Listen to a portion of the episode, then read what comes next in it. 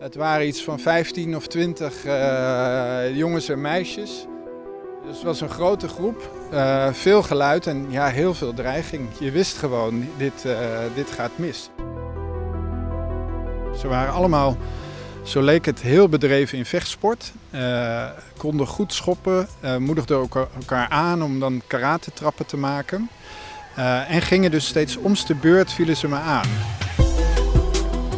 Ik kan me herinneren dat er één jongen was. En toen had ik even heel even het moment van, oh, nu, nu stopt het. Uh, want hij zei, uh, gaat het? En uh, hij ging om de groep heen staan en zei, stop, stop. En hij vroeg dus hoe het ging. En toen dacht ik, oh, nu is het klaar. Iemand heeft, heeft een soort van mededogen en iemand, iemand ziet dat het nu moet stoppen. En toen liet ik heel even mijn, mijn verdediging zakken. En toen gaf hij me een kopstoot. En toen gingen ze eigenlijk weer door. Dit is Klappen, een podcast van het AD. Vanaf 4 mei op ad.nl/podcast.